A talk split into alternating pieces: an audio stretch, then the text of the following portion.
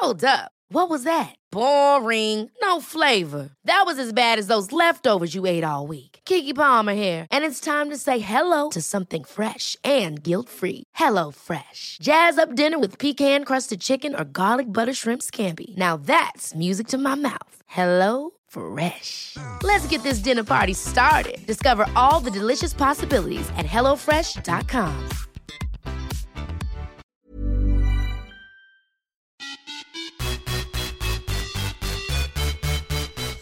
Nu var det en vecka sedan vi hördes här i podden, jag och Sara. Eh, ni lyssnar på podden Vis och Svärm on the run som kommer ut på söndagar som vanligt. Eh, och jag är väldigt nyfiken på nu Sara, hur fotograferingen med Elias gick här nu förra veckan. det, gick, det gick faktiskt jättebra. De, de Ja. sa oj det var en stor kille, men det var inga problem. Han fick inte liksom så här, nej det här går inte, ni får vända. Han är Nej. för stor. Nej. Nej. men de, de kommenterade ändå så här, oj han måste, han måste vara stor för sin ålder. Jag Ja. bara, eh, ja det är han. Men de var bara så här, gud han är så fin och åh, sådär och sådär. Så att det var, Mm. och just det här som, jag ändå, så här, man ser ju ändå att en bebis är liten i form av så här hur den tittar, alltså blicken och mimiken och Mm. Sådant. Eh, och det var så roligt ändå att eh, man var, det var lite nervöst för man vet ju liksom inte hur det ska gå. I och med att jag kan ju liksom inte styra hans prestation eller vad säger man. Nej. Eh, så man visste inte om man skulle vara arg eller ledsen och sådär. Men eh, det, det gick jättebra. Han sov typ under hela tiden som jag var i, i sminket. Det var ju typ en timme nästan som de Åh höll på vad liksom. skönt. Ja, så då låg han och sov i bilstolen bara. Eh, Och sen så var det, var med, han var lite så här sömnig ibland, så man ville bara, du vet ibland ville de ha lite så här piggare blick. Och då fick man bara Mm. leka lite med honom och försöka så här, men det gick faktiskt jättebra. Sen är det som, Mm. som, som det självklart blir, att man kan inte hålla på för länge. Sen efter ett tag så sa de så här, ja men nu får eh, ni gå, alltså han gå och vila eller göra lite någonting annat, för att han blir så här, han, han, det var väldigt mycket att titta på, det var som att han märkte att vi var på ett nytt ställe.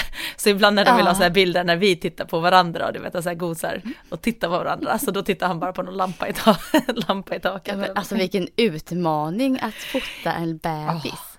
Ja, men alltså jag måste säga det att hon fotografen, alltså shit vad duktig hon var. Hon Ja. var verkligen så här, eh, nej men du vet att det är så här tålamod och hon fick ändå mig att känna mig så här duktig och, eh, och vacker och eh, eh, och eh, Lias också, liksom att hon var så här, att det kändes som att det hade så lätt kunnat göras till att någon skulle ha fått en att känna en stressad och så här spänd. Absolut. Men Ja. hon var verkligen så här superduktig och att hon var så här, du vet, smila han till i en halv sekund, då hann hon typ alltid fota det. Så Ja. att hon var liksom så här hela tiden med på hu- hugget och så här. Så att när jag, proffsig. ja, och så när jag kollade på bilderna, alltså jag blev för, jag kollade bara på kameran. Men alltså då, Ja. det var så, så fina bilder och så liksom så jag bara, jag blev så här, för jag kommer ändå få några som privat sen. Ah, och jag- då blev jag ändå så glad härligt. bara av den anledningen att få det där Mm. dokumenterat av någon som är så duktig. Ja, Ja. jag. Men jag blev och funderade ganska mycket, eller så här, amning är ju alltid ett eh, så här starkt ämne känns det som. Mm. Att det finns många åsikter och tankar kring det och så här. Men om man liksom inte, om man släpper det här om man ska amma eller inte ska amma, utan bara själva amning. För att det här var ju, fotograferingen var för liksom amningsprodukter. Ja. Eh, så, eh, så ett företag som ger så här, men typ så här, eh, salvor och sånt som man kan ha för ömma bröstvårtor och lite sådär. Mm. Så att de flesta bilderna ska vara från hemsidan och då är det mest så här gosbilder, mamma, bebis och när man bär eller så, liksom så här titta på varandra och sånt. Men så tog vi också eh, några liksom amningsbilder när man sitter med liksom, ja men man, man ser ju liksom inte bröstvårtan eller så, men man, man ser eh, att bröstet är fram, så det är lite, lite hud. Och Ja. att man ser att bebisen ammar. Och jag tycker att det är bara så här jättefina bilder. Mm. Eh, men där var det ju väldigt mycket så här eh, att vi måste skicka dem till, eh, till eh, kunden då liksom. Och eh, för att nu när det var corona så annars brukar ju kunden vara på plats vid en sån här fotografering och godkänna och säga till. Men då fick de Ja. hela tiden löpande skicka liksom så här eh, ungefär hur vi jobbar och så där så får de godkänna eller ändra och sådant. Under tiden höll du på att ändra och godkänna så alltså? Ja, exakt. Så de skickar liksom hela tiden bilder och bara så här har vi tänkt med de här. Och då var det ganska mycket så här med att man måste komma eh, runt algoritmer och eh, alltså så här med att det får absolut inte synas en bröstvårta och inte heller att man får typ hinta om att där skulle det typ kunna vara en bröstvårta, vilket är ganska obvious när man ammar, att Men- det är en bröstvårta. ja. i munnen. Men för att då kommer inte, de blir liksom blockade framförallt på Instagram och så sociala medier, att det är liksom för vulgärt eller någonting. Mm. Mm. Och då så pratar vi lite om det och tänker på hur mycket som kommer igenom på Instagram, alltså som är mer likt mot porr. Ja men absolut. Och hur mycket liksom äh, inoljade rumpor med en tunn stringtrosa. Alltså det, det är okej. Okay, liksom, för att det syns sting. inte liksom. Men ah. hur mycket vi fick jobba runt liksom det då, mm. att det liksom inte fick synas för mycket bröst eller sådär, så man fick ha liksom, liksom, någonting över. Och det som var ännu mer intressant som jag inte ens har tänkt på, det var att den här produkten och liksom hemsidan, de säljer liksom över hela världen. Så det är inte bara svenskt. Mm. Mm. Utan det här säljs i hela världen. Så då måste vi ta liksom extra speciella bilder då för de muslimska länderna. Okej, och hur var och de då? Då var det i stort sett att, jag, att man bär sin bebis i brösthöjd. Alltså, så, alltså precis ja. så som du bär ditt bebis vanligt utan ja. att amma. Förstår du? Ja. Alltså det var inte en amningsbild. Du bär Nej. ditt bebis i famnen med huvudet mot ditt bröst. Mm. Ja. Och hur strikt det var där, just att det måste verkligen vara tyg och skyddat och så här. Och det förstår man ju för att man vet ju att de får ju inte själv visa eh, Precis. hud och så, eller hår. Och, mm. Men då, det som verkligen var så här, jag bara va? Det är så här, loggan till det här företaget. Det är en konturritad bröst och ett bebis. Så, mm. alltså det är som bly, alltså eller streck, streckritat, mm. ett bröstform och en eh, bebis också som är bara ritad sådär i profil typ. Eh, ja. den loggan är inte godkänd. Nej. Nej. Väck. Så det får inte vara ett ritat bröst i profil, liksom med enfärgat Nej. med bara som en streckgubbe typ. Alltså den typ av ritning. Och då blir jag bara så här, man kan ju inte ändra på det där, man kan inte så här, men jag bara tänkte så här, vilken tur att man lever i den här delen av världen. Mm. För det, är alltså, liksom... det här är ju liksom så sjukt tycker vi. Ja, vi tycker att det är verkligen sjukt och ja. jag skulle vilja säga att det är sjukt, att det inte bara vi ja. som tycker det. Men man tänk, sådant tänker man inte på, för jag, jag ammar ju offentligt, jag ammar ju på kaféer och alltså Elias mm. hungrig och behöver så då ammar jag där och då. Sen kan jag alltid försöka ibland om det känns som att det är ett ställe där mycket folk, men det är kanske för min egen skull att jag då, alltså lite kanske sätter någon eh, liten filt eller någonting över mm. eller försöker liksom hålla Precis. så att det inte blir som att hela bröstet är framme. Eh, men det är ändå ingenting som jag liksom känner att det skulle vara fel. Nej. Utan behöver han mat så äter han, för för mig är bröst så, alltså det handlar ju om sammanhanget. Alltså mm. vad som är sexigt eller vad som är privat, alltså så här, ett bröst alltså, i... det är så sjukt egentligen, yes. alltså det är ju Alltså det är så sjukt, det där du sa på Instagram också, att de bilderna liksom inte går igenom och blir anmälda och så här liksom. Ja. Eh, men jag menar, står en man och visar bröstvårtorna så det är inte något problem. Nej. Och till och med när jag, min dotter, hon var då sex år och badade i bikinitrosor och min son badade också i badbyxor. En bild när hennes bröstvårta syndes, den plockades bort på Instagram. Gjorde jag blev bannad ett halvår på Instagram. ja. Och den, då ser inte ens bröstvårtan annorlunda ut? Nej, det är ett barn som badar liksom. Och den blev, block, den blev liksom eh, anmäld och ja. Oh. Eh, ja det är så konstigt vad som... Så, alltså det är så sjukt. Ja. Mm. Ja och det är så sällan man tänker på sådant för liksom vi tar ju ändå ganska, alltså vi är ju ganska så här, eller vi är ju fria. Eh, mm. Man har ju den friheten i alla fall att liksom Mm. Ja, nej men så det slog mig bara, de, de bara, ja men nu de här muslimska länderna, då behöver vi göra så här och så här och så här. Och jag bara, men alltså nu ammar jag inte ens. De bara, nej men du, det får synas att du liksom ändå bär ditt barn. Jag bara, ja. Ja. ja. ja. ja. intressant och lite galet. Ja. Ja. Nej men så det var det om fotografering, men det gick mm. jättebra och det ska bli jättekul att se resultatet. Eh, och på tal om det så såg jag att du har varit uppe i Stockholm nu nyligen och ja. filmat. Ja. Ja, jag var där, alltså nu, vi spelar in på onsdag, jag var där, jag kom hem i natt ifrån Stockholm. Eh, så jag var där hela dagen igår och spelade in eh, många timmar, många locations eh, för en eh, app som ska lanseras eh, snart i Sverige i alla fall och sen ska det spridas även ut i hela världen. Ehm, och det är en löpapp som eh, har varit på gång ganska länge så att jag ska jobba med dem. jag hade kontakt med han som startade det här för två år sedan första gången. Och så har jag haft kontakt hela tiden och nu så närmar sig lanseringen av appen. Så att eh, jag har vetat om den här länge och haft så här, den idén är jättebra. Eh, väldigt fin timing kan jag säga kommer vara med allt som har varit här i år. Um, så att eh, superkul. Um, och det är lite så här, jag bara, vi är nog klara att fota innan, eller filma innan klockan sex eh, ikväll så här i Stockholm. Så bara timmarna gick liksom och vi gjorde massor scener och omscener, omtagningar och ja, så jag var ju på stationen vid efter åtta sen ändå på kvällen sen. Uh, så jag åkte hem vid halv nio. Men det var ja. jätte, jättekul. Det var Ja, det ska bli väldigt spännande att få berätta om den här appen sen mer i, eh, i podden. Eh, och jag tror att väldigt många av er som lyssnar kommer verkligen tycka att den här idén är så jäkla bra. Den, den behövs, kan jag säga. Så ja, jag ser fram emot det jättemycket. Ja, jättespännande. Gud, nu vill jag bara fråga mer, men jag antar att du inte kan berätta så mycket mer just nu i alla fall. Nej, men alltså, nej, det kan jag nog inte göra. Um, jag vågar inte det. Jag kanske skulle kunna Nej. hinta lite mer egentligen, men jag vågar inte göra det för att uh, jag säger för mycket egentligen.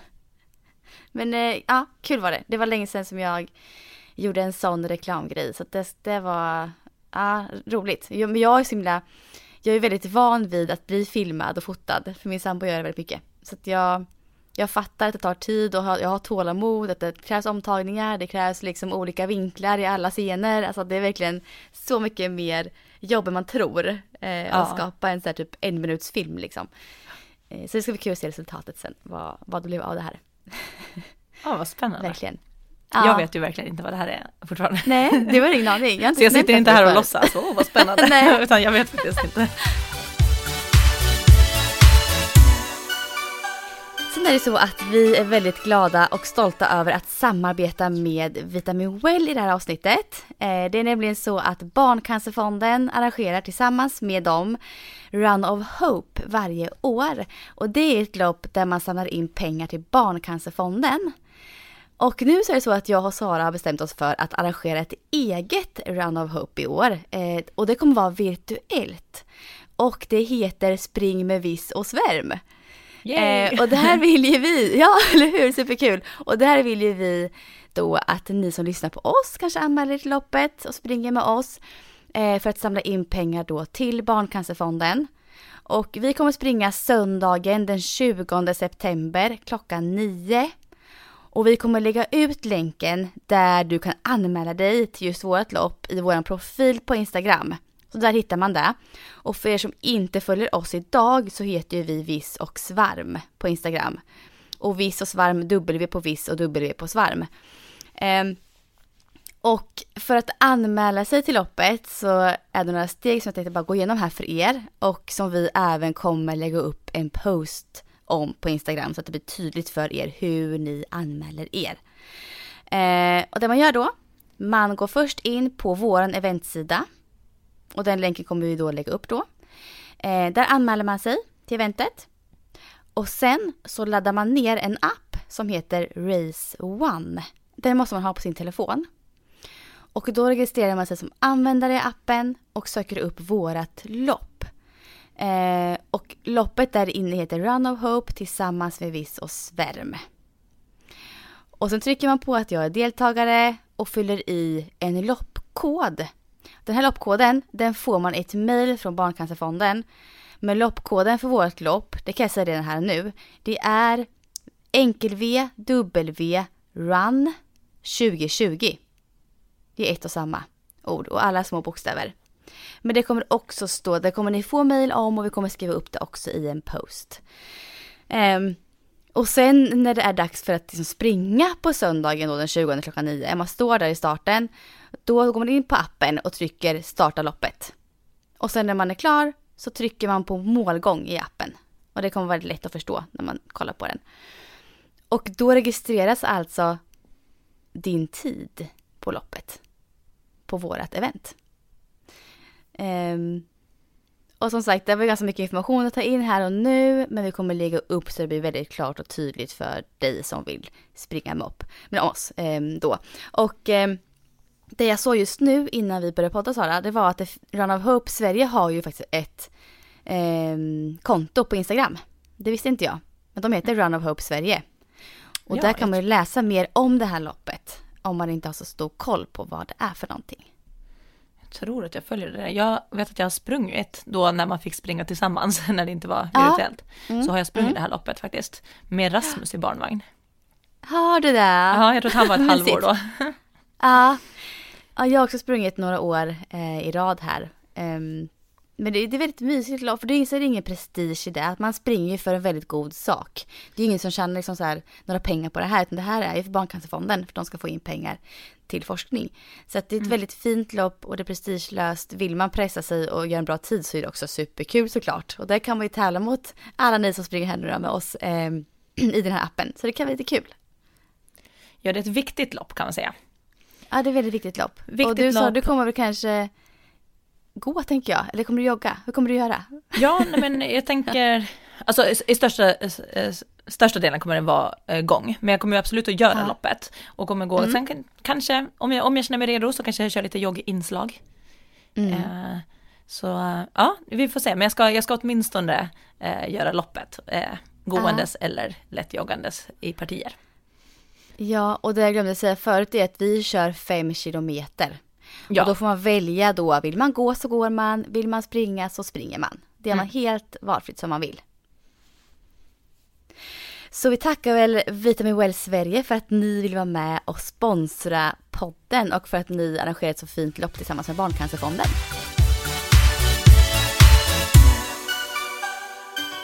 Och du Sara, du gick väl sista delen av din den här mentorskaputbildningen precis nu? Visst är det så? Ja, precis. Det var, ju, det var ju under våren som jag gick den här mentorskap eh, eh, kvinnohälsa obstetrik, alltså mycket fokus på kroppen under och efter graviditet. Och det har ju varit mycket så här mot fysioterapeuter också, så det har varit mycket skador, förlossningsskador och sånt också. Eh, och tanken var ju att vi skulle vara klara i våras, men på grund av corona så blev det ju liksom inställt. Så i söndags var jag på, då körde vi dubbla, alltså de två sista träffarna körde vi på en dag. Okej. Mm. Så att det var första gången jag var, skulle vara iväg hemifrån en hel dag också. Jag hade med mig Elias halva dagen och så kom eh, Lasse och plockade upp han sen vid lunch så fick jag vara själv andra halvan. Eh, men eh, ja, så den här gången så skulle vi prata om det här med magmuskeldelning. Eh, alltså diastas som, eh, som många känner till att det heter. Och jag tycker att det är så intressant hela det här träning för alltså mamma och gravida för att under de, den tid jag har jobbat eh, som PT och säga att jag jobbar med mammaträning kanske i fyra år så har det ändrat ganska mycket.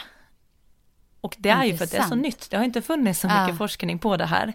Så att Nej. nu är egentligen är det första gången som det faktiskt kommer så att man vet forskningsmässigt vad man kan säga att det är rätt eller fel eller vad man ska undvika och sådär.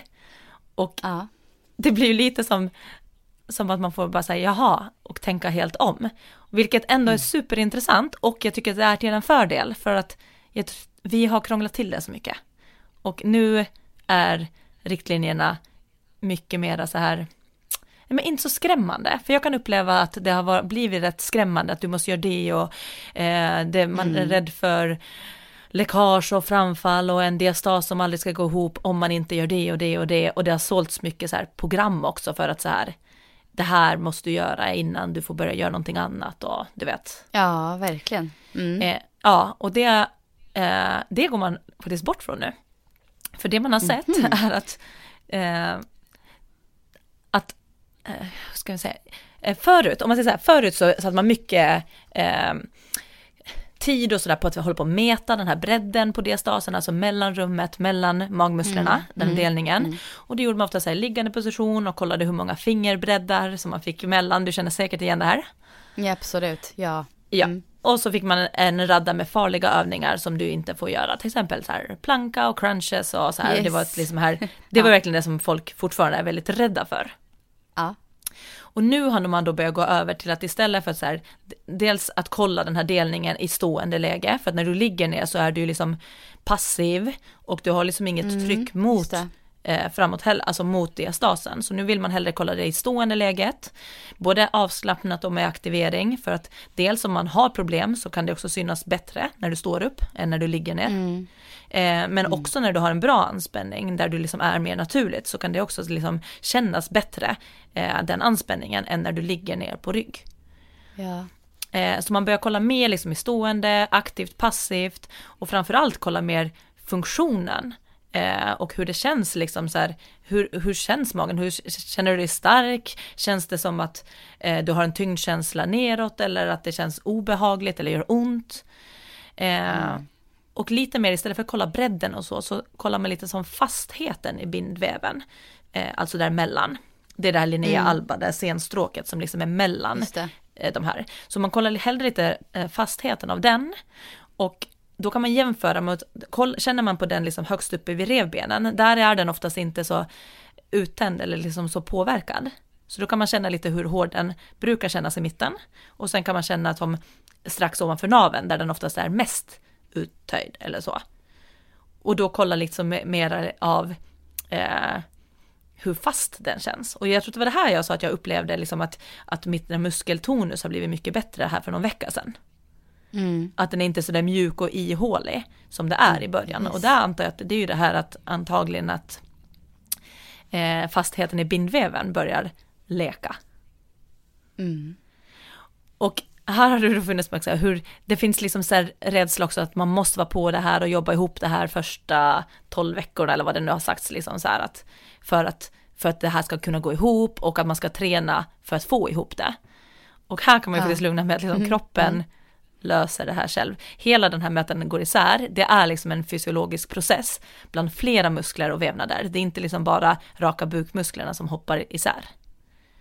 Så att det är ju liksom någonting som kroppen går igenom och det är bra. Jag, jag upplever också att många säger så här, gud jag, jag har tyvärr fått en diastas, eller så här, man bara, men att de ska ju gå isär för att ge plats till ett jag barn som växer. Jag tycker att det är lite olika med, för vissa får ju mycket, mycket mer än andra. Alltså ja. av genetiska skäl eller vad det nu beror på så får ju vissa mycket, mycket mer. Det kan vara personer som är jättevältränade och mm. som fortfarande idag, flera år efter att ha fått barn, har fortfarande jättebred diastas, men de är jäkligt starka liksom ändå. Exakt. Och som till exempel, vill jag bara nämna Helena Bjelkemo här. Ja. Vi, hon visar ju också sin mage, sin diastas. Ja men det gör vi. För hon men bara på gott? Bara på gott. Ja, hon kommer ju vara en sån som alltid kommer ha en diastas som är ganska mm. bred. Det kommer vara så, men hon är stark ändå. Alltså det, är inte, det, beror, liksom, det styr Exakt. inte hela funktionen.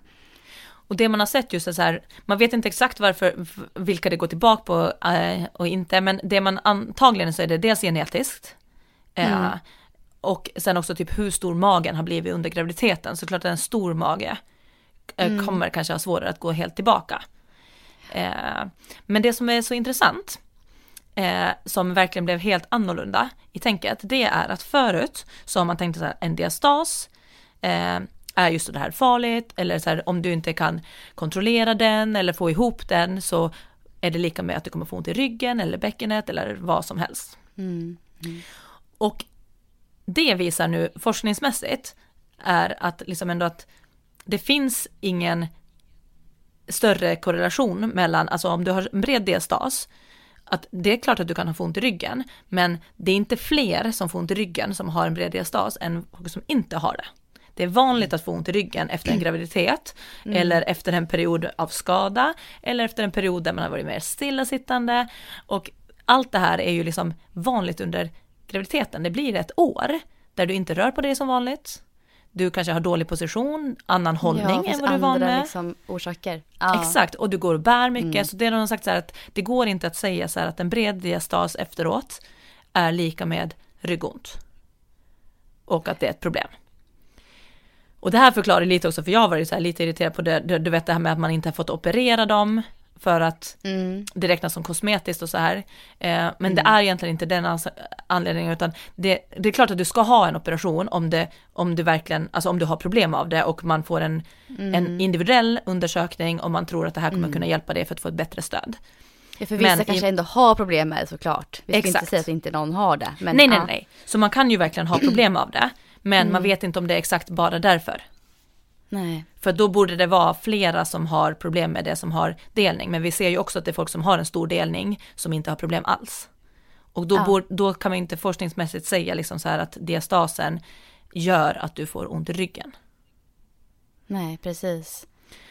Eh, och, och då behöver vi fråga, men varför, varifrån kommer alla det här att du vet att man ska göra alla de här eh, inre bålövningarna efter graviditet och att man får nästan bara göra sånt eh, efter, Ja. i många gravidprogram eller efter graviditet så är det ju så här, du ska bara eh, eh, ligga och andas och känna in inre bål.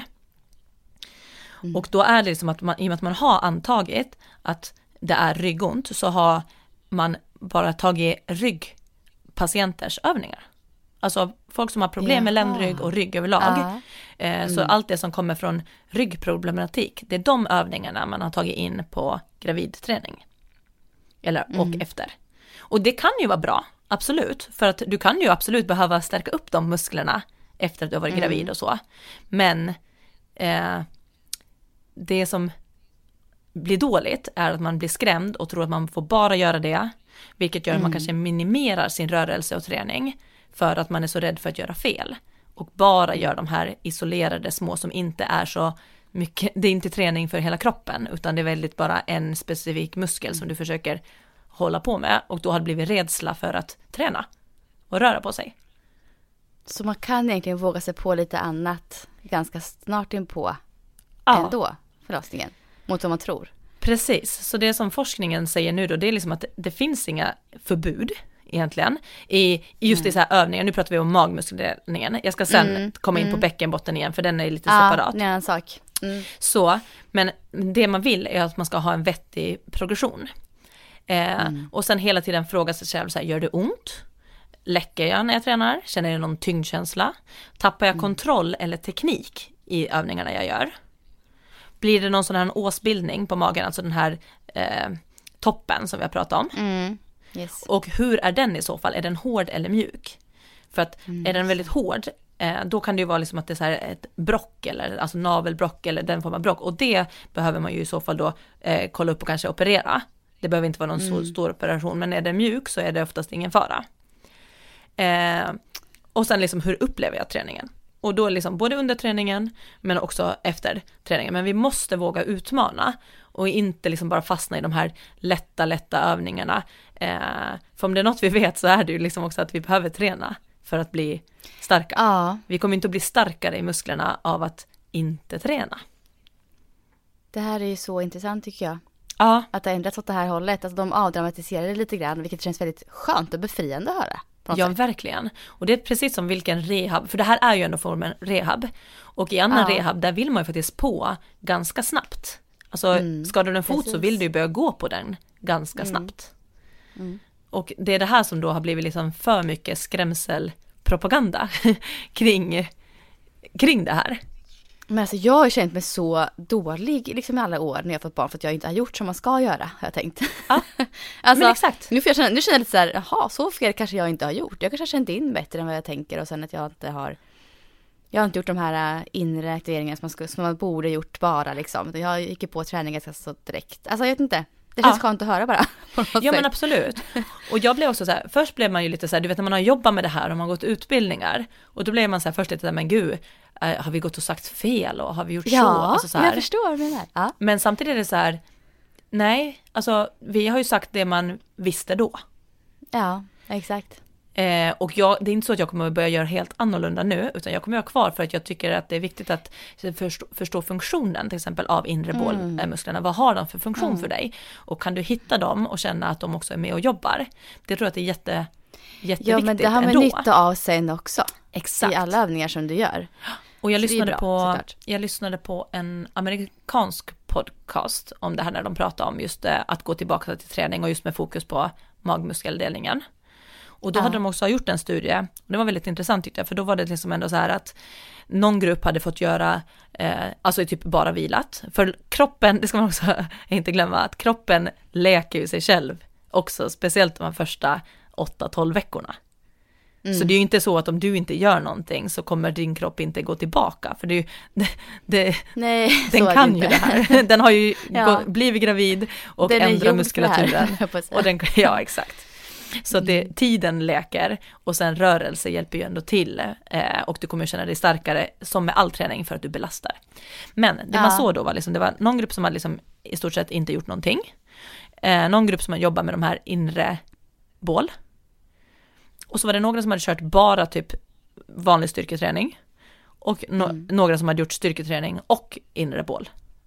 Muskler. Mm. Och där ser man liksom att eh, svagast var ju de som inte hade gjort någonting. Såklart, det låter ju så självklart när man säger det så här. Det är klart, ja. har man inte gjort någonting så är Och sen efter det så var det faktiskt de som gjort med bara inre bål.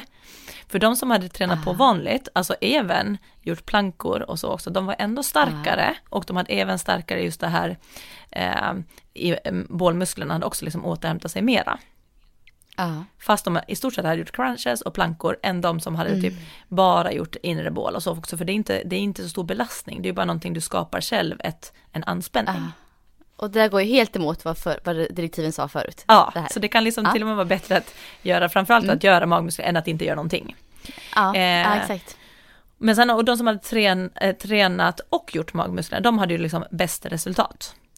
Eh, De som då parallellt kört de här inre bål, kontrollövningarna tillsammans med träning. Men då vet man inte heller, var det för att de hade gjort det där, eh, eh, just de övningarna, eller var det för att de bara hade ännu mera volym? För det visade ju sig ändå så, ju mer Ja, volym du har gjort, alltså ju mer du har gjort, ju starkare är du.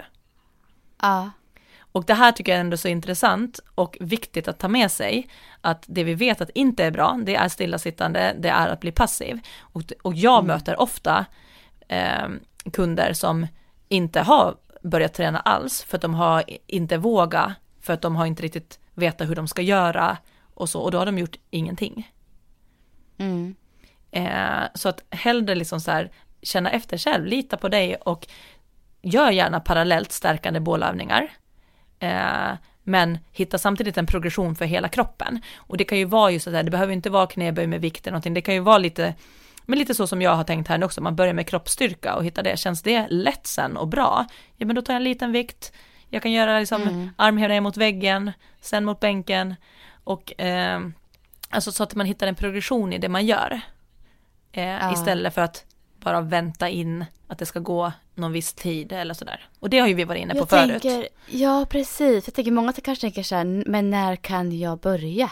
Ja, Alltså vad ska man säga till dem? För det är olika såklart och hur man känner sig. Man ska känna in kroppen såklart själv. Men vad kan man säga där? Alltså någon undrar, men när kan jag börja ens testa? Är det nästan direkt? Är det liksom när kan jag... Alltså Ja. inre aktiveringarna och sen gå på mer och mer. jag Alltså, skulle säga hur- att har du haft en okomplicerad eh, graviditet och förlossning Mm. och du börjar känna dig pigg och känna dig ändå så här, nej men så här att du vill träna och inte då bara mentalt, alltså inte bara så att du har en stress, något så, utan verkligen känna så här, nej men det skulle vara skönt att röra på sig. Du kan egentligen börja direkt, men kom ihåg också att promenad är ju ett första steg. Ja, exakt. Så att det är ju det här med progression och försöka bli duktig på att tänka progression, att hur kan jag egentligen öka på ett väldigt litet sätt. Så Och börjar du känna in tidigt, kroppen. ja så börjar du tidigt, och då blir det ju ännu viktigare bara att göra små, små, små progressioner. För att det vi ändå vet är att det tar minst åtta veckor för liksom muskler och du vet de inre organ, alltså livmoder och allt sånt att dra tillbaka och återställas. Det tar liksom minst Ja. åtta veckor men även upp till 12 veckor. Vid 12 veckor brukar man säga att du är hyfsat återställd muskulärt men det betyder ju inte att du är lika stark som du var innan. Nej, och så tänker jag komma in på bäckenet här. Det kanske kommer in på också Exakt, men det är liksom, för det kommer ju på det här. Det är ju liksom Ja. här inre eh, muskulatur som har blivit påverkad under graviditet och förlossning. Mm. Eh, så bäckenbotten är ju en stor del av det som vi pratar om som har blivit väldigt Precis. Mm. påverkad. Och den är inte tillbaka till sin, vad ska man säga, sin normala eh, muskulatur eller eh, vad ska man säga liksom. Ja, jag Ehm, fattar. Ja. Mm. Mm. Den är ju inte tillbaka där förrän det har gått ett visst antal eh, veckor innan den liksom, ja, man kan säga återgå till sin grundfunktion. Men Ja. det, grundfunktion är ju inte samma sak som den styr, din normala styrka. Nej. Och det här är alltså då 8 till 12 veckor. Och det tycker jag man Yes. behöver ha med sig i bakhuvudet att eh, även om jag nu känner mig stark eller så att man känner att jag vill börja springa eller någonting så jag hade väntat åtminstone med de här löpning, hopp, snabba rörelser där du inte riktigt kan jobba med samma typ av kontroll och kontakt i musklerna.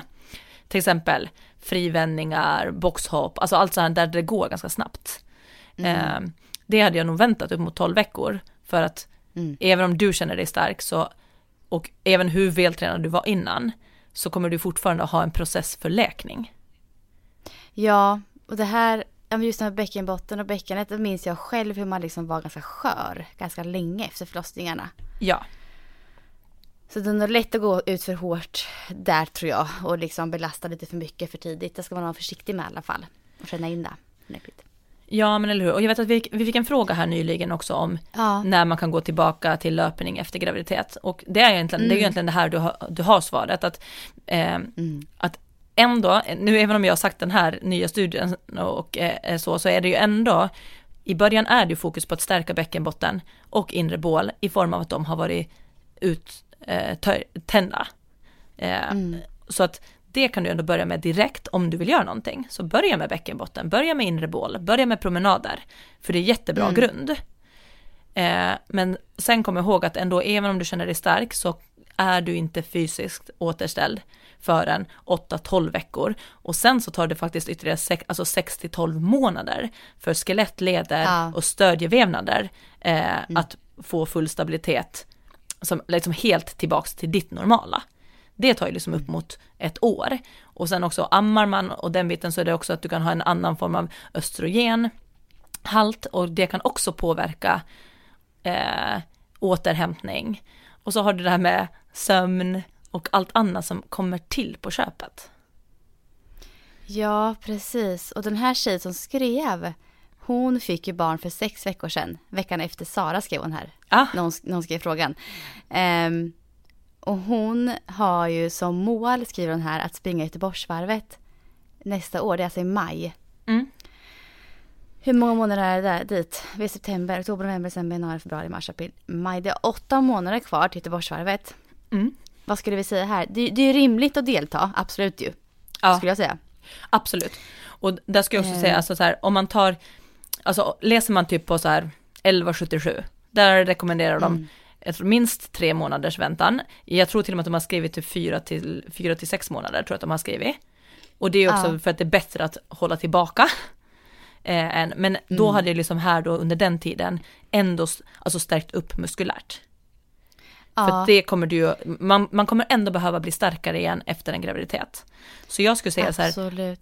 sex veckor nu efter, eh, absolut Mm. börja redan känna av vilka av de här övningarna känns bra. Eh, kan jag göra knäböj utan vikt? Kan jag börja lägga till lite vikt och börja träna styrketräning nu och sen typ i, då blir det typ i november, ja, absolut, då Mm. börjar jag känna av lite jogga och där igen progression på det också. Att så här, jag, jag kanske Ja. inte drar fem kilometer direkt, utan jag kanske joggar 30 sekunder, går en minut, joggar 30 sekunder, Mm. går en minut och gör det under samma promenadslinga som man kanske är van med. Ja. Och börja och så. verkligen jobba successivt, sakta, sakta framåt Ja. liksom, i progressionen tror jag. Och sen tror jag verkligen. från janu- januari så tror jag att hon kan liksom börja med att tänka lite så här, men nu ska jag börja eh, träna till Göteborgsvarvet. Mm. Sen hade jag ändå kanske på Göteborgsvarvet inte haft så mycket prestationsmål. Nej, jag tänkte säga det också faktiskt. Jag tänker Utan- också mer att hon ska genomföra det, uppleva det och sen får hon ta året efter kanske då som ett riktigt så prestationsmål. Exakt. Så hade jag tänkt. Och det är också mer för att eh, jag tänker liksom direkt man har prestationsmål om man försöker eh, hålla sig till program, då är det lätt att man Ja. inte fullt lyssnar lika mycket på kroppen. Som om man Absolut. bara tränar efter känsla och så här att, och att har hon ingen prestationsmål, då är det inte heller stress att ibland kanske behöva backa ett eller två steg i träningen för att man känner av någonting eller inte känner sig helt hundra. Så att man kanske, Mm. för att det får man komma ihåg att det är ju bara bra om man lyckas fånga upp en sån och backa. Det är lätt att man tänker Ja. att det är ett misslyckande, men det är ju ett lyckande om du känner så här, hm, vänta, jag har lite känningar i min höft eller i mitt knä. Eh, och då backa, kanske göra lite extra kontrollövningar eh, och sen gå tillbaka. Och Ja. det tror jag att hon tar sig mer tid till om hon vet att eh, hon ska bara genomföra det. Mm. Ja, nu blir det långt om det, men jag tyckte det var så himla intressant. Ja, men jätteintressant verkligen. Ja, Ja, och att just så här så att man kommer ihåg, gärna jobba med inre bål parallellt, men jobba också med hela kroppen, alltså någon form av knäböj, höftfällning, press, drag, så att du kommer igång med, med eh, hela kroppen, men progression. Det är jätteviktigt att Mm. börja lugnt och successivt så att man inte gör stora, stora ökningar snabbt. Mm. Men var inte rädd för att träna. nej, det, nej, precis. Mm.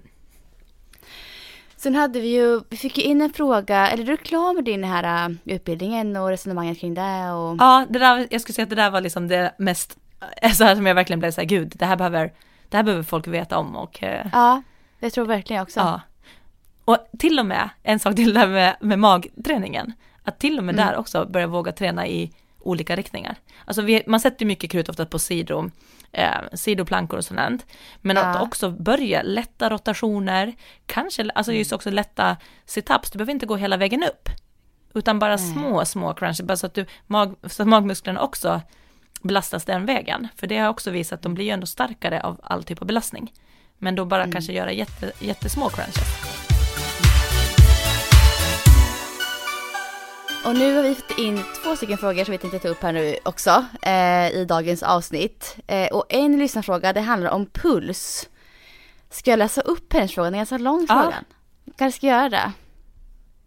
Jag läser upp den. Ja, Hej Sara och Josefin. Vi bara börjar med att tacka för en grym podd. Ni är jättebra. Jag älskar att ha med er i lurarna när jag är ute i friska luften. Eh, jag har en fråga. Ett ämne som jag undrar om ni skulle kunna ta upp i podden. Eh, det gäller puls. Sen ett, då, ett par år tillbaka införskaffade jag en pulsklocka.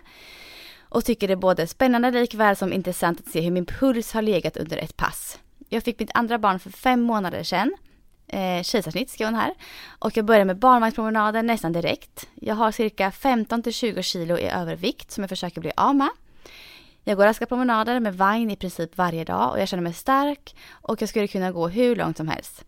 Jag lägger också in lite korta löprundor eh, för att variera och för att få den där eh, disktrasekänslan. Hon vill ta ut sig liksom. Mm, mitt problem är att så fort jag tar ett par löpsteg så drar pulsen iväg. När jag jämför en rask promenad mot en jogg så är det inte så stor skillnad i tempo. Men i puls så ser det ut som att jag bestiger Mount Everest. Det jag undrar över är vilka parametrar som påverkar pulsen. Finns det några risker med att ligga på ett, en väldigt hög puls under lång tid? Och I mitt fall förstår jag ju att mina extra kilon gör det tungt för kroppen, men jag låg lika högt in, innan min graviditet. Eh, och då var jag 15 kilo lättare. Mm, och dock snabbare tempo i och för sig skrev hon här. Eh, jag har aldrig i mitt liv erfarit en lättare jogg eller en lugn löprunda. Så fort jag springer blir det jobbigt som fan. här. Eh, ja, det vore som sagt spännande om ni ville beröra ämnet. Tack igen för en grym podd. Vad, vad säger du Sara? ja men det är väldigt, väldigt intressant. Eh, Det var, ro, var rolig den här tjejen tyckte jag. Ja. Hon skrev väldigt roligt. Härlig tjej. Mm. Hon skickade lite bilder också på sin pulsklocka också, eh, så man såg hur Ja. högt den gått. Och eh, jag kan helt ärligt säga att jag kan inte exakt säga varför den gick, för hon var ju alltså pulshon, alltså på den här klockan nivå 5 på konditionsträning. Ah, Nästan direkt I varje pass i springa. princip. Ja. Så att hade det varit en PT-kund till mig så hade jag faktiskt, faktiskt bett henne att, att först gå och kolla upp det. Och kolla om det Mm. är, som det, alltså att allting faktiskt bara är eh, så som det ska. Mm. eh, utan att skrämma upp, utan bara, nej men bara för att checka av det. Eh, Ja. För att den, på, hennes puls är eh, ovanligt hög till den beskrivning hon ger oss i alla fall, Ja. eh. Mm. skulle jag säga. Mm. Eh, men eh, annars hade jag liksom ändå bara så försökt att springa ännu långsammare. Alltså även om det är långsammare än, än hennes snabbare gång. Mm. Eh, och kolla, kan, kan hon då liksom ändå få ner pulsen? Eller är den sådär direkt? Den kommer ju öka, även om du eh, sp- springer lika långsamt så är det, men ändå du, eh, du använder mer kraft när du skjuter ifrån ett Mm. löpsteg än när du går. Det blir en annan sak. Ja, Så den kommer ju gå då. upp. Sen är jag också Ja. lite nyfiken på om den går upp lika mycket, typ om hon skulle köra cykel eller någon annan konditionsform. Mm. Eh, så att om hon skulle testa det, ifall att det har med liksom vikten att göra. För det blir ju också tyngre att springa när man är tyngre. Ja. Eh, och sen kan hon inte jämföra, hon sa att den går, gick upp lika mycket innan hennes graviditet också när hon vägde mindre. Ja, men då sprang hon snabbare, alltså är det inte samma Mm. sak. För då är hon på en Nej. annan intensitet för att komma upp i den pulsen. Mm. Så ja, nej jag, jag vågar inte ge något bra svar. Kolla upp det och sen eh, laborera lite med din jogging till att börja med. Alltså sänk tempot ännu mindre, kanske se över din löpteknik. Eh, testa hur det är att springa på bara plant och inte kuperat eller eh, och se liksom om du hittar någon form av där pulsen inte behöver vara uppe i zon 5 liksom. Ja, ja, för det känns ju väldigt jobbigt att behöva komma upp där Ja, hela då tiden. Det blir jag jättejobbigt att springa inte- då. Man tokfråsar. Men hon skrev ju också lite så här, för vi skrev vidare konversation med henne på mail här. Och då kom det fram lite ändå sen när hon skriver att hon har svårt att hålla igen. Eh, så hon tar ju alltid i, så känslan är att hon alltid är helt slut efter alla typer av löppass. Så jag tror ju kanske som du sa så förut att hon ska sänka tempot ännu mer. Um, hon tycker att det låter långsamt, strunt i det, alltså jogga jätte, jättelångsamt och mm. se hur reagerar pulsen då.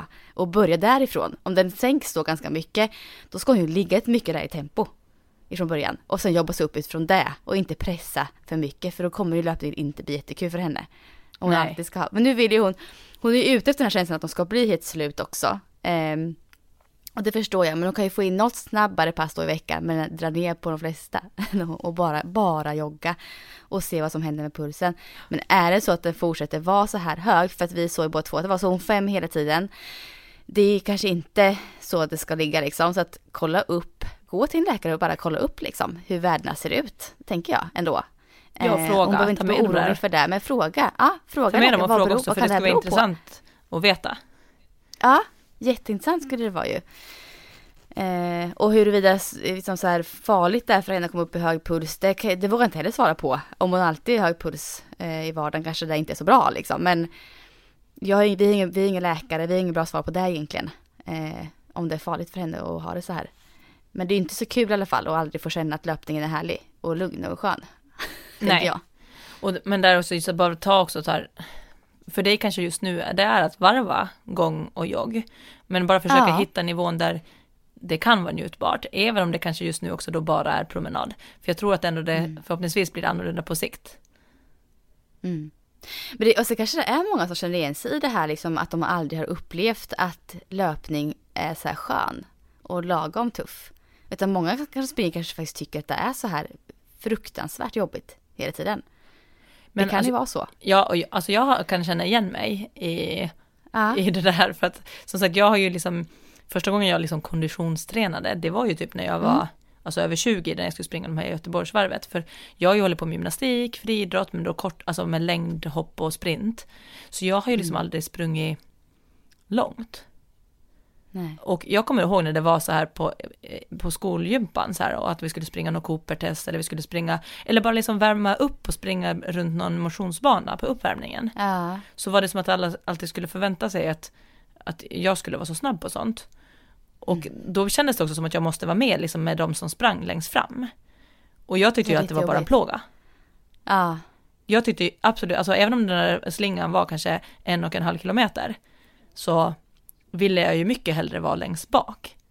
För att där kunde mm. jag hitta den här, för jag, jag kände också så här bara, hur kan man tycka att det är så här njutbart och liksom så här, bara inte tänka på någonting när man är ute och springer. För att jag mm. var ju mer den här så här bara, du vet, är det slut snart, är vi framme snart, är vi framme snart.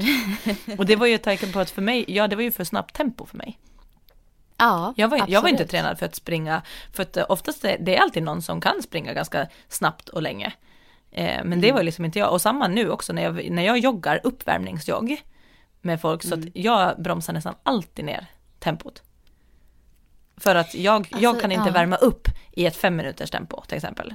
Eh, jag vet att för många Nej. fem minuter är inte mycket, eh, knappt, alltså jag springer, jag är inte ens på sex minuter, jag är nog närmare sju minuter på uppvärmning. För mm. att jag vill att det ska kännas det ska kännas bara så här lugnt och jag, jag ska bara bli varm i kroppen. Jag ska liksom ja. inte gå upp i hög puls. Utan jag vill bara liksom så här springa och känna, känna in kroppen och då behöver jag vara närmare sju minuters tempo eh, istället. Mm.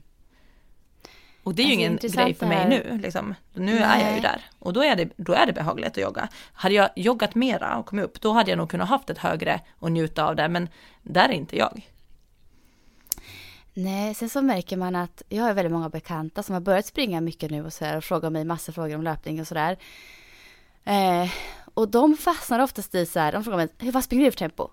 Ja, alltså det är så ointressant att veta egentligen vad jag springer för tempo. Det säger mm. ingenting om hur de ska springa. Men det, den frågan kommer ju oftast upp och de har klockor, de har koll på sin pace, de vet exakt så här, ah, men jag låg på det här tempot idag, det är bra så här. Och man kan bara släppa som motionär lite mer så här, strunta i och kolla vad du har för tempo. Mm. Gå ut och spring bara på känsla. Och titta inte, jag borde ligga på 5.30 och så har de görhög puls, stressade över det. Nej gud, nu går det långsamt. Det blir en stress alltså. Då ökar ju pulsen tror jag ganska mycket ja. bara av det. Men gud, jag så känner ändå igen mig i det här.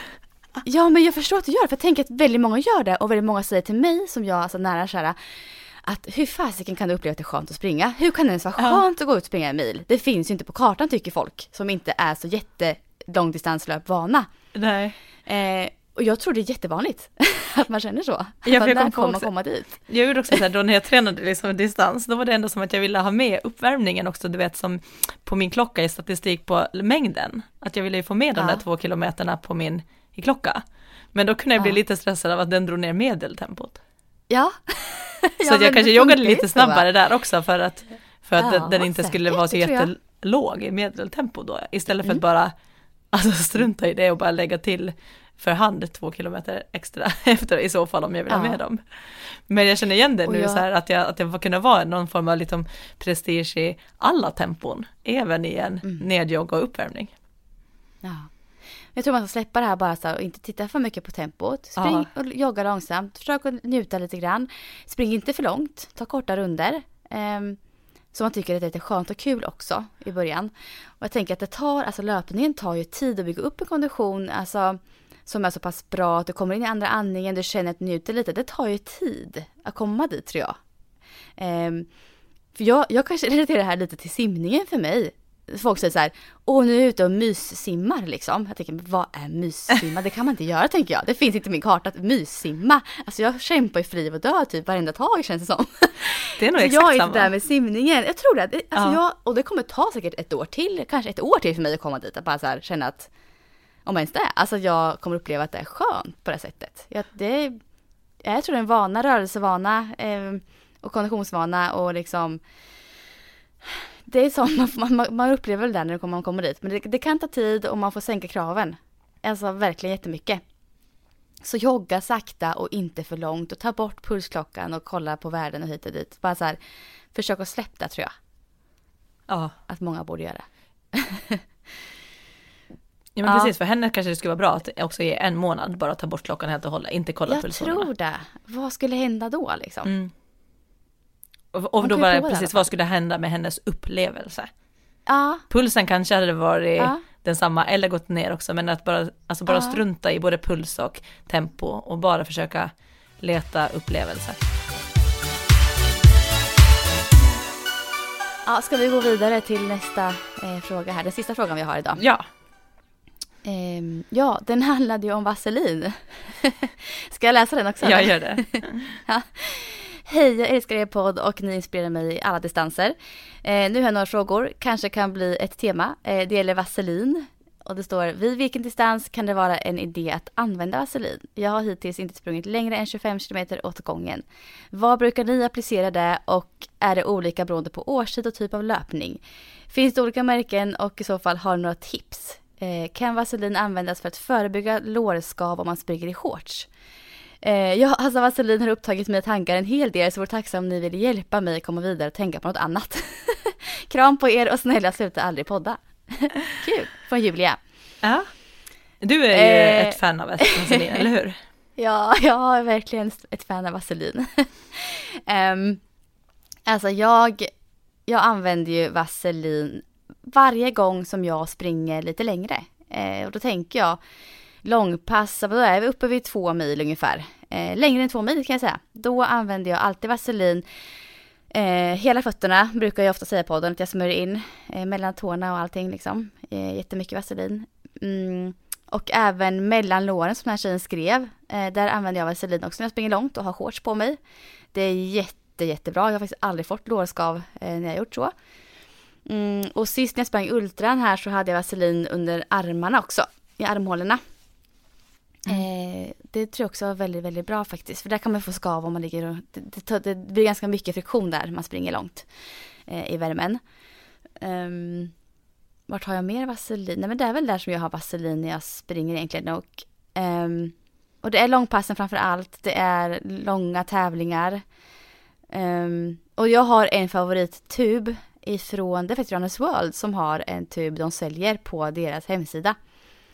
Eh, och den heter nog bara vaselin, eh, en gul tub. Som är, den är liksom lite mindre kladdig än de som finns på apoteket, de här runda burkarna. De funkar också jätte, jättebra. Alltså alla funkar superbra.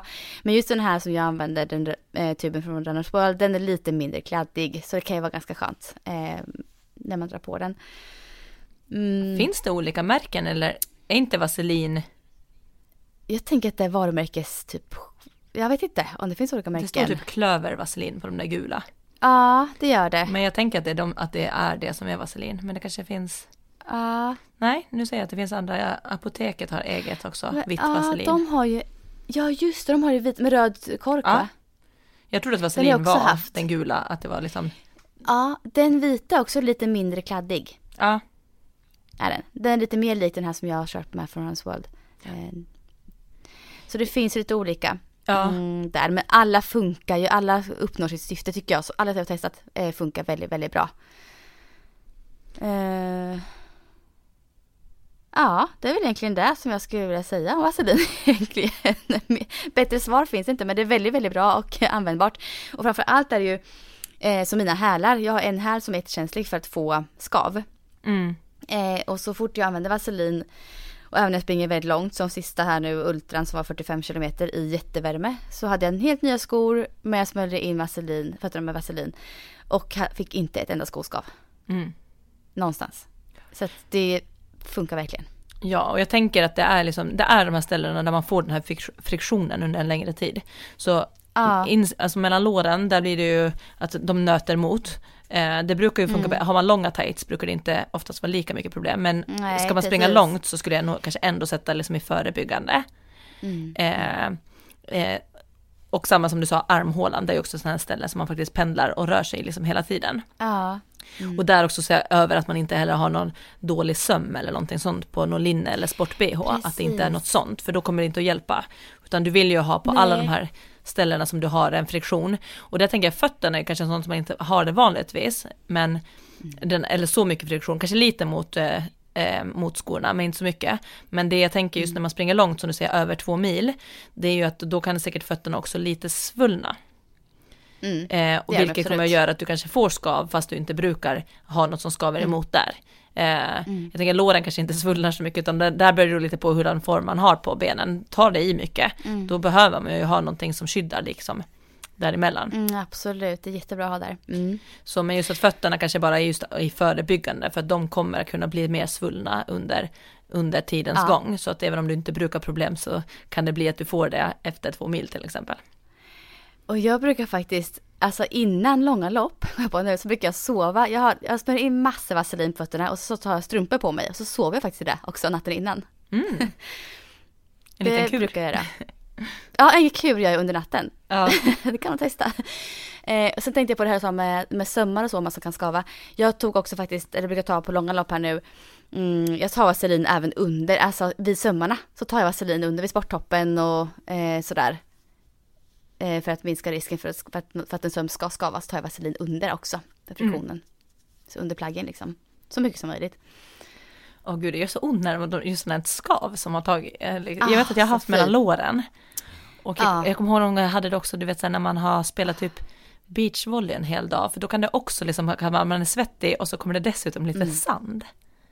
Ja, Och det blir så här, det ser ju bara så här lite rött och lite rodnad, men alltså det bränner Mm. ju något fruktansvärt. ja. Ja, fy alltså. Ja. Inte alls skönt. Det är verkligen, Nej, det är det är typ som det här paper cut, det är som ett litet löjligt sår som knappt syns. Ja. Men det gör så Ja. ont. Men det var det ju, för på Ultran här nu så var det några från löpgänget i Motala som fick skav av löparryggsäckarna.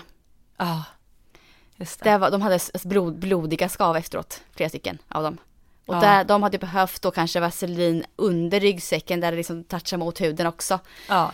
Så det är verkligen, det har en fin användning. Och kanske Så till och med så här ja. tunn tejp också kan jag tänka mig om det är mycket skav. Ja, Jag, tänk, jag, jag det tänker har ju- killar ja. har ju ofta så här tejpade bröstvårtor för att det kan bli att Precis, skava jag mot t-shirten och jag antar Ja. varför det inte händer på tjejer är för att vi har en tight sport-bh under mm. som gör att det liksom inte eh, är så mycket friktion. Men Mm. det tänker jag, men det finns en massa olika sådana tejpar som eh, som är följsamma, som inte stramar åt och sånt. Och det tänker jag att Mm. har man, vet man att man får lätt får vid väskan eller vid eh, armhålan eller någonting, så då kan man ju säkert försöka tejpa också som ett extra hudlager eller vad man ska säga. Mm. Absolut. Om Ja, nej men det var hjälper. våra svar. Ja precis, vårt Ja. vaselinsvar. Var inte rädd att använda det, kör på Nej. bara. Ja men du Sara, nu har vi ju babblat på här i en timme som vanligt då. Yes. Ehm, intressant tyckte jag det här med som di- din utbildning tycker jag. Mm. Eh, med diastasen och det här, väldigt intressant. Ehm, Ja men det är nog det som har ändrat mest på. under hela min tid som jag jobbat som PT, så det är ju de här sakerna, alltså det kommer alltid lite nyare, någon så här styrketräning eller någonting, men det är inte så stora skillnader liksom. Eh. Men det här är nog det som har ändrat kanske mest under den tiden som jag har jobbat och det är ju jätteintressant att följa och jag hoppas att om fem år till så vet vi ännu mera om det här. Ja. Mm. Verkligen. Och jag hoppas nu att ni som lyssnar, så många av er som möjligt, att ni springer med oss eh, den 20 september klockan nio på morgonen. Och vi kommer lägga upp som sagt en post om det här och förklara mer hur ni anmäler er så att det inte blir något otydligt kring det helt enkelt. Kul! Jag har ett Mm. Ha lopp att se fram nu emot. då. Ja, eller hur? Superkul ju. Härligt. Ja. ja, men ha det så bra så länge så hörs vi nästa vecka igen. Det gör vi. Ha det bra. Hej då! Hej då.